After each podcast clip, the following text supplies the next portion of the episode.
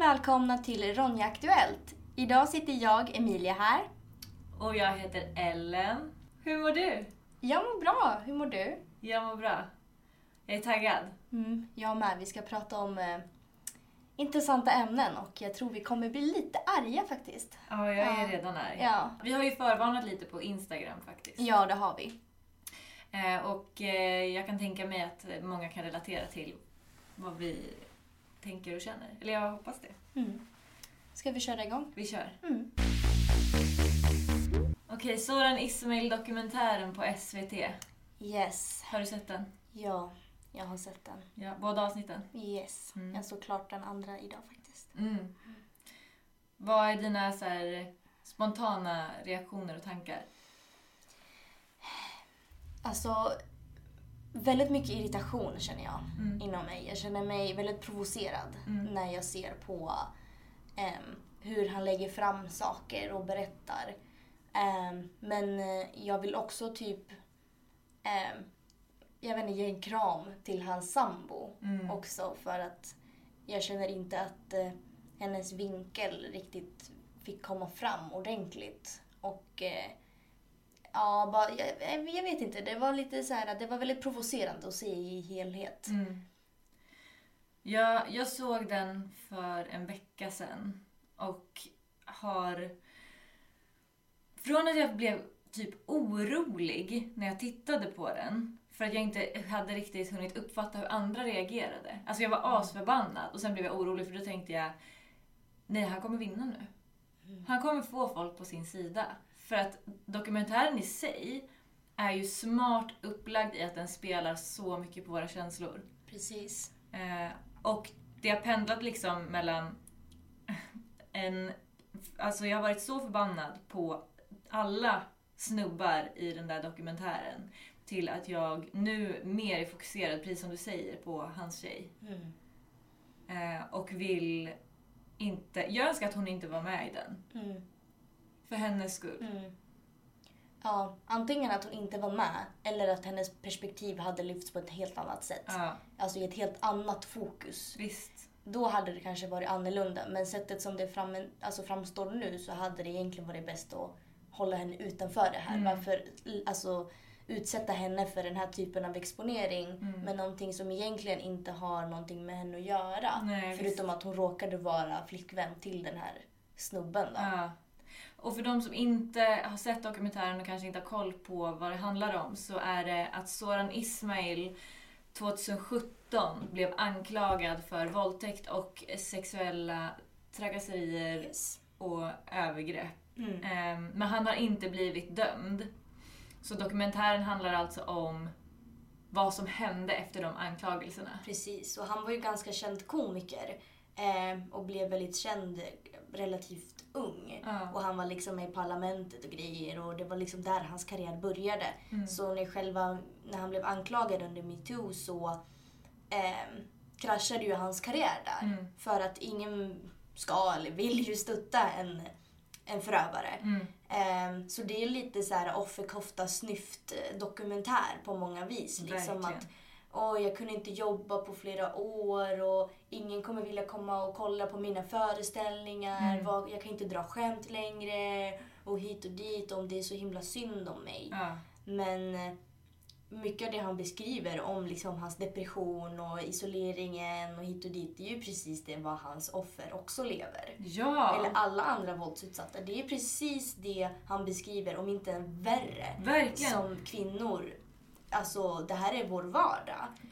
Och men det- vi får ingen jävla dokumentär, förlåt språket, men nu blir jag irriterad igen. Ja.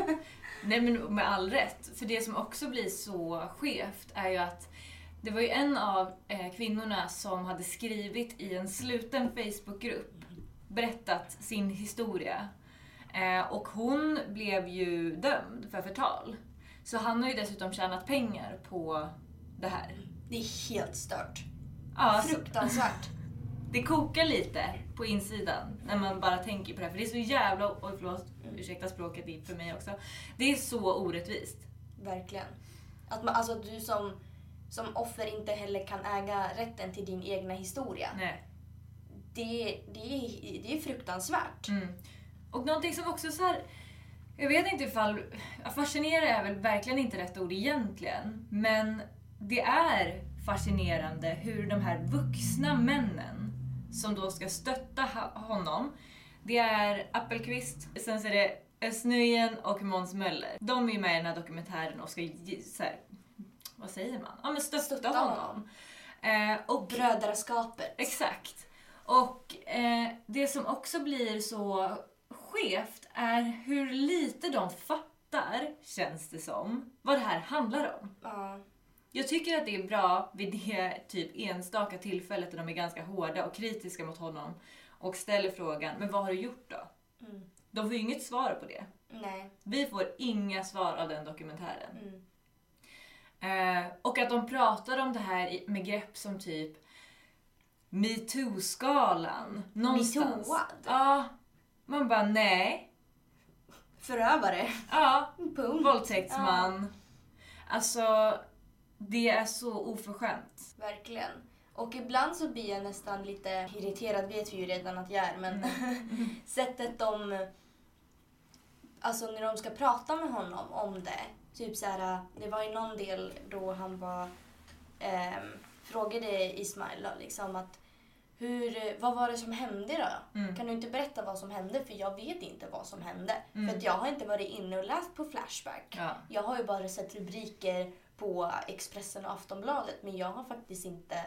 Liksom som att han inte har någon aning om vad som hände, hans Mm. kompis. Mm. Liksom som att han...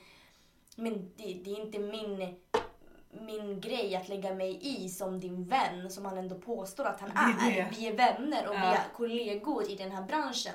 Men jag tänker inte veta vad du har blivit anklagad för. Nej. Liksom, och ändå liksom, alltså det är bara jättekonstigt. Och du grejen. jobbar ju med media. Snälla, vad då inte ha kollat Det Flashback? Ja men det är klart du vet vad, vad han har blivit anklagad Ja. för. Och det, alltså det, hela, sätt, hela upplägget där är bara jättemärkligt. Verkligen. Och jag känner också typ så här, om du har tackat ja till att vara med i en Ja. dokumentär, ta lite jävla ansvar. Faktiskt.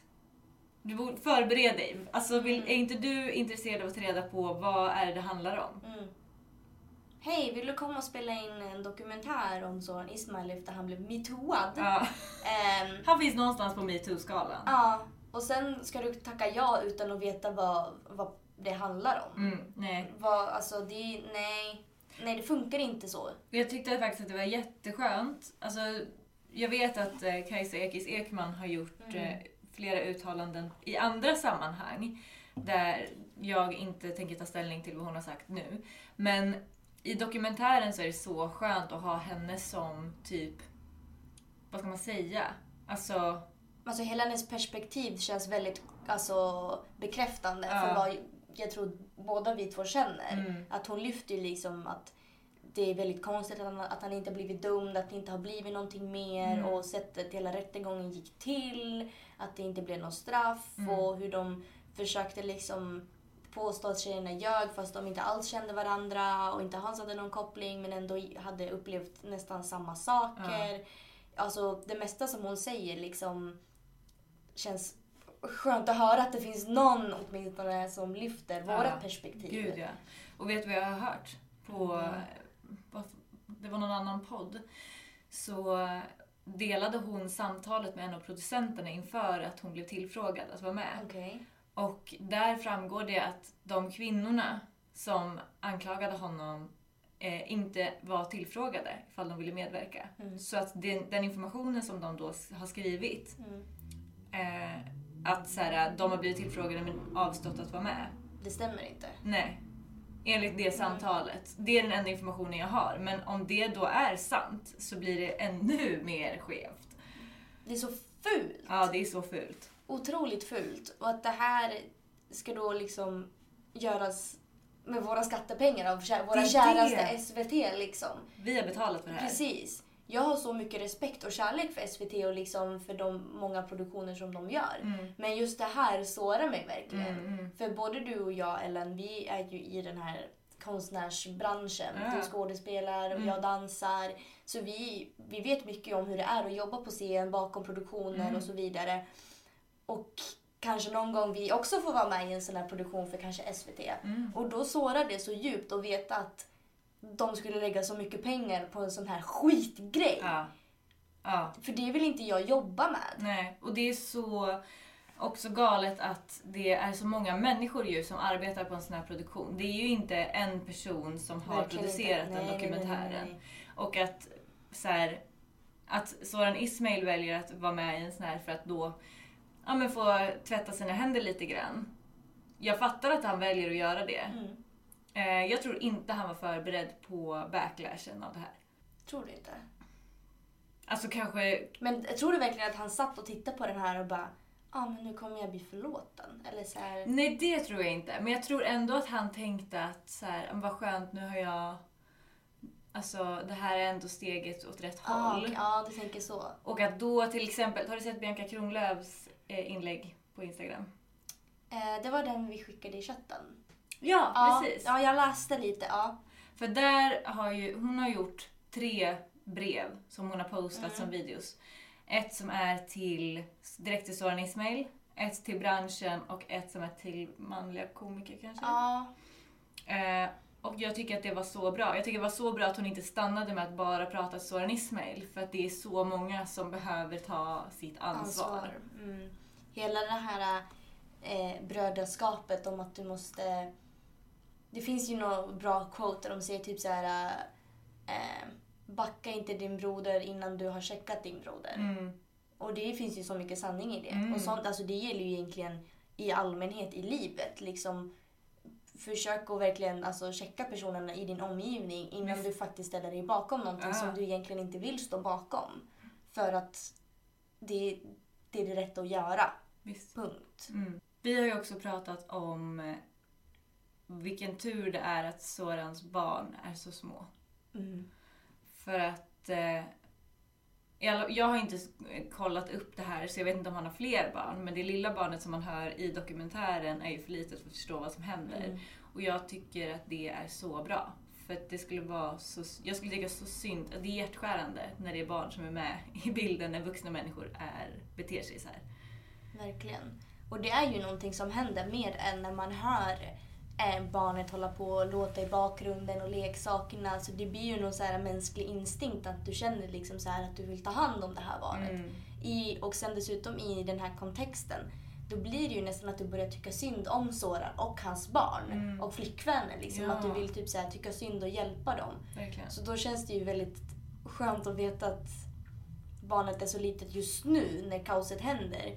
Men det känns ju också sorgligt att veta att i framtiden så kommer den ju behö- behöva liksom bemöta det här Mm. på något vis. Även fast det inte alls har någonting med det här barnet att göra. Det är ju Ja. inte dens ansvar att ska försvara sin farsa som har varit douchebag. Nej. Men det kommer ju, det kommer ju tyvärr hända. Ja, ja verkligen. Ja, kärlek och styrka till tjejen och barnet. Verkligen.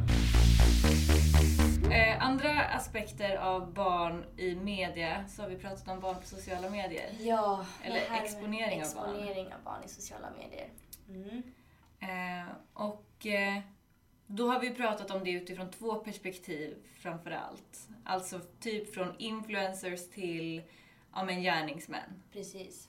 Ena sidan då Soran Ismail som har barn som en dag kommer växa upp och få veta vad pappa har gjort. Mm. Eh, men, och den andra sidan av det här, ja men vad säger man? Vanliga influencers som använder sina barn.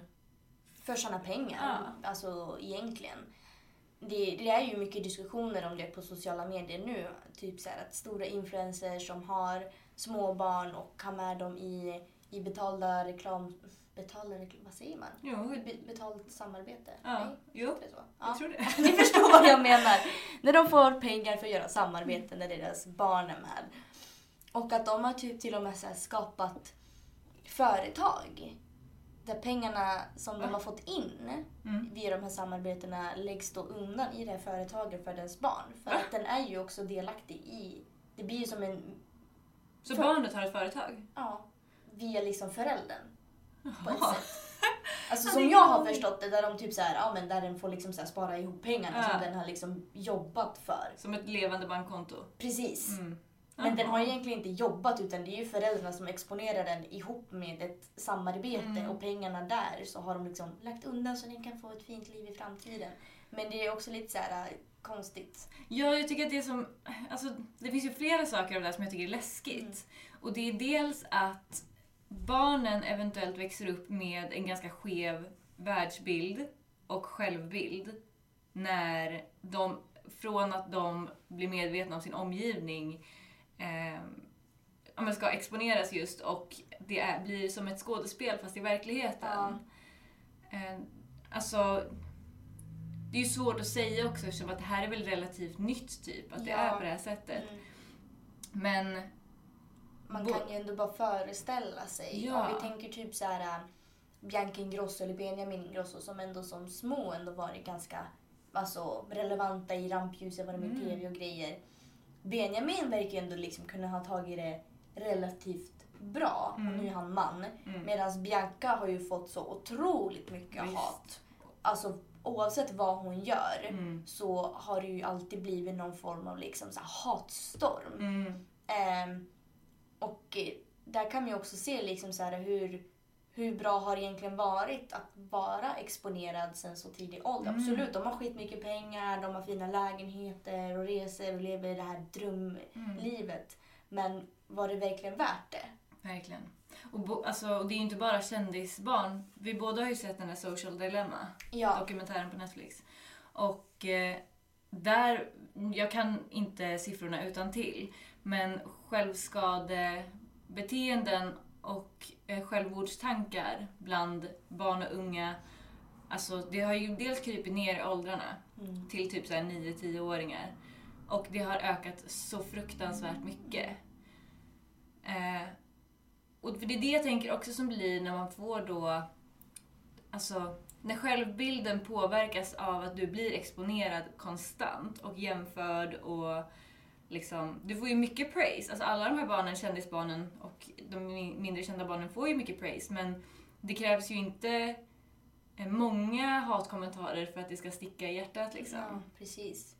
Och det sjuka med, som man, man får lära sig i den här dokumentären är ju också hur algoritmer och hur typ eh, viss reklam och bilder är anpassad efter vad Mm. som kommer upp i ditt flöde. Alltså, För typ så här, om du stannar på en bild lite mer än 0,3 sekunder mer än den förra bilden så kommer den sätta dig i din egna statistik och börja Mm. liksom så här, sortera ut vilken typ av content som ska komma upp på dina sociala Mm. medier för att det ska passa dig. Mm. Men det här gör ju också så att om du följer väldigt många stora eh, kända influencers till exempel Mm. och många kanske är normsmala, normvackra eh, och så vidare. Då kommer ju det här också vara det som du får mer utav. Mm. Och det kommer ju också resultera med att du får de här bantningsreklamerna, gå ner i vikt, köp Mm. det här för att bli fit, de här jättesmå bikinisarna, Mm. alla de här skönhetsidealen. Så det blir liksom så trigger på trigger på trigger på trigger. Så det Mm. blir bara en ond spiral som inte slutar.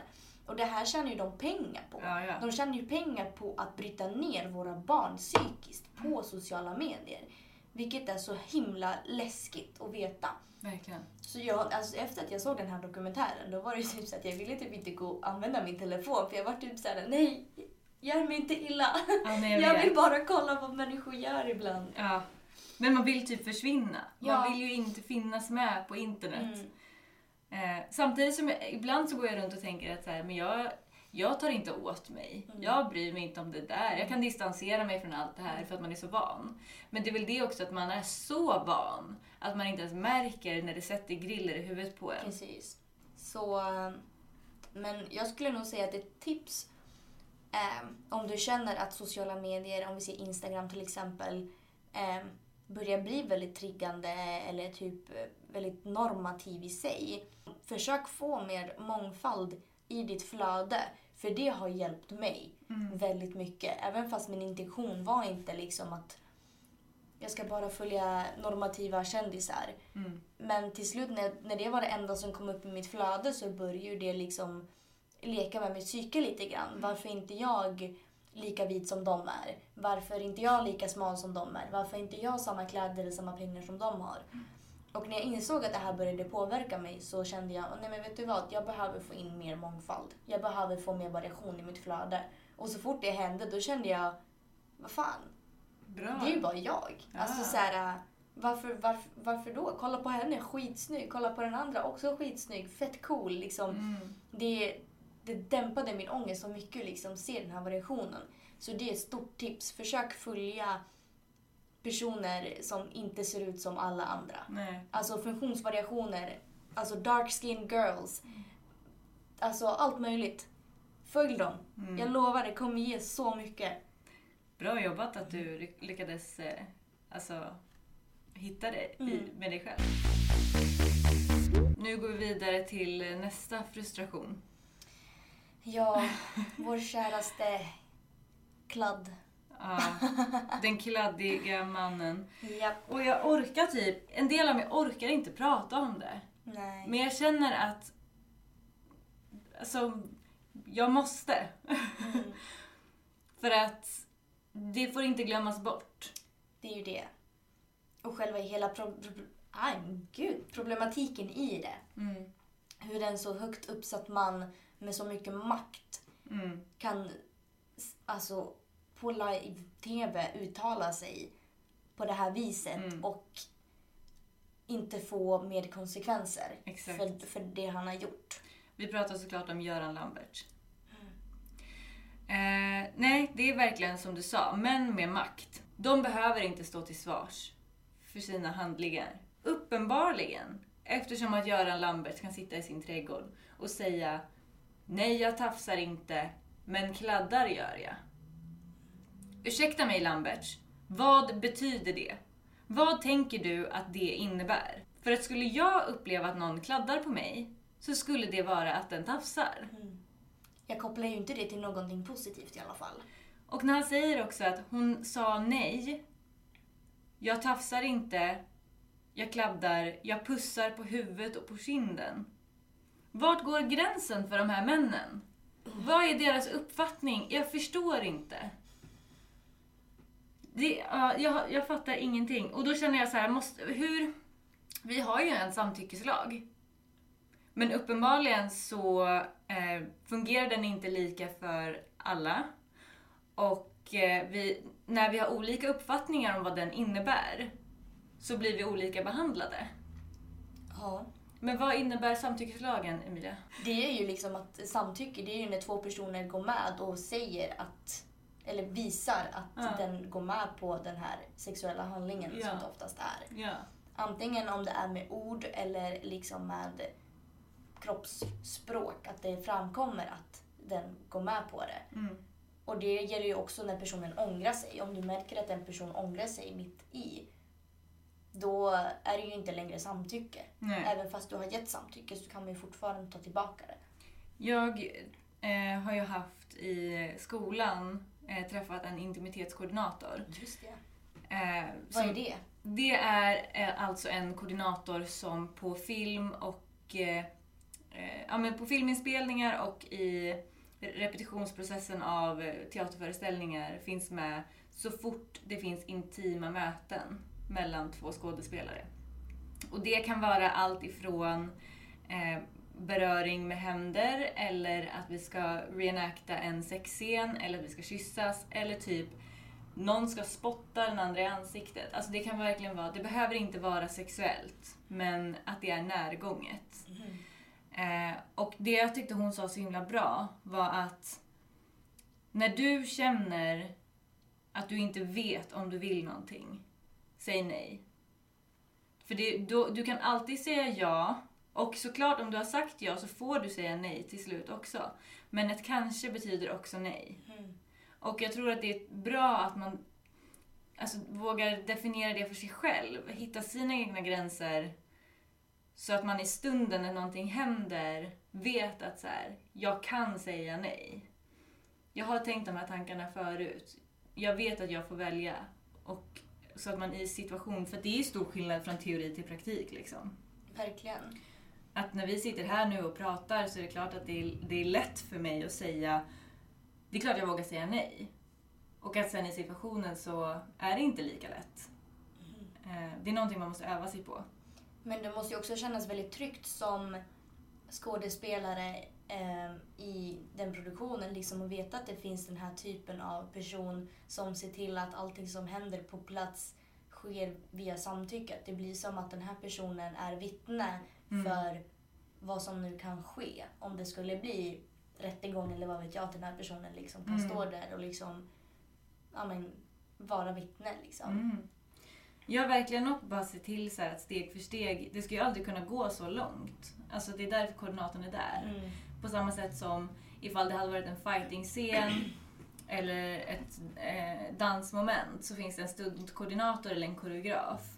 Eh, allting, alla de här funktionerna är liksom till för att ingen ska kunna skadas psykiskt, fysiskt eller då sexuellt. Mm. Ehm, det känns typ som att eh, Lambert skulle behöva ha en intimitetskoordinator. Ja, eller typ alla män i överlag. Eller hur? Ja. Det hade ju varit fantastiskt Ja. egentligen. För uppenbarligen så är det så svårt. Och det är så svårt för det svenska rättssystemet att kunna hantera, uppenbarligen. Han säger ju också att hon sa nej, Men ändå så gjorde han det han gjorde. men ändå så sitter han i sin trädgård. Ja. Vad är det som händer? Det är jätte... Ja, alltså jag har inga ord. För det, jag tycker det är så läskigt att veta att det finns så mycket män i sådana här maktpositioner som Mm. han har. Och det är inte konstigt att sexuella liksom övergrepp eller våld, alltså så här, överlag inte går längre i själva rättsprocessen. Mm. När vi har sådana här män som sitter på makten. Mm. Då är det ju inte konstigt att det inte kommer någonstans. För att de försvarar ju såklart sina bröder Ja, i den här situationen. För att de vill ju själva inte heller hamna i skiten. Nej. Så det är, det är- ja, nej jag, bort, bort med er. Ja. Bort med er och era gamla äckliga syner. Ja. Och in med feminister. och mer inkludering, bättre jämställdhet, jämlikhet. För att det här funkar inte längre. Vi kan Nej. inte ha det så här. Nej. Folk pratar om Sverige som att vi... Här är det alla är feminister och det är jämställt och Mm. här kan du gå själv på nätterna utan att vara orolig. Jag har fått höra det här så mycket när jag har varit i mitt hemland. Att Mm. folk pratar om Sverige som, om- som om det vore ett paradis på något sätt. Mm. Vilket det absolut kan vara i jämförelse med deras liksom, Visst. så här, liv som de har. Ja. Men det är så otroligt frustrerande när, att jag måste alltså, spräcka den bubblan och säga fast det där stämmer inte. Nej. Det är inte jättejämställt i Sverige. Nej. Absolut mer än vad det är i Chile då, som är mitt hemland. Men det, det är fortfarande massvis med våldtäkter. Ja, ja. Våld i relationer är ett stort samhällsproblem. Gud ja. Det vi har massvis med sådana här problem men som folk i utlandet inte ser och i Sverige också försöker dölja. Mm. Men det, det sker och det är ett samhällsproblem och Det De här tas på allvar. på allvar, på riktigt nu. Ja. Bort med de här äckliga snubbarna, Mm. in med rätt insatser. Mm. För då jävlar ska vi visa dem hur ett bra land ska kunna vara Ja. och hur vi alla ska kunna leva tillsammans. Verkligen. För så här kan vi inte ha det. Nej. Det, det räcker nu. Nu räcker det. Och vi kan ju inte sluta Ronja Aktuellt med att snacka om en kladdgubbe. Det är, Nej, alltså, nu har vi pratat om tunga ämnen. Ja, någon måtta får det vara. Mm. Så att det sista vi vill göra är att göra en shout-out till kvinnostrejk. Woo! Och vad är kvinnostrejk, Ellen? Kvinnostrejk organiserade sig väl efter egentligen eh, Lamberts presskonferens. Mm. Som precis som vi säger nu, säger att nu räcker det. Och att då varje fredag klockan tre så går kvinnor ut på gator och torg med skyltar där de skriver sina krav. Krav på saker och ting som måste ändras, som måste förbättras, på saker och ting som är orättvist, som inte ska få existera längre. Jag vet inte vem som startade det här.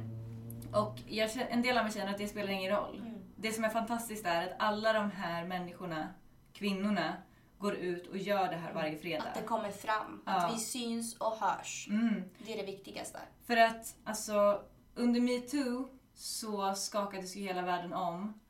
Men vi behöver skaka lite till. Mm. För det är ju uppenbart att inte... Det räckte inte. Nej. Och vi har lång väg att gå. Så om du också vill vara med på kvinnostrejk, kör hårt fredagar klockan tre. Gå ut med din skylt med ditt krav.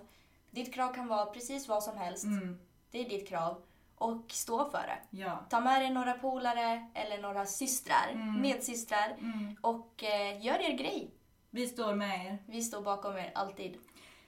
Tack för nu! Ja, tack så mycket för att ni har lyssnat. Tiden går för fort. Ja, verkligen. Vi skulle kunna sitta här i en evighet verkligen. Ja. Ja, Ha det fint hörni. ja så syns vi någon annan gång. Det gör vi. Hej då! Hej!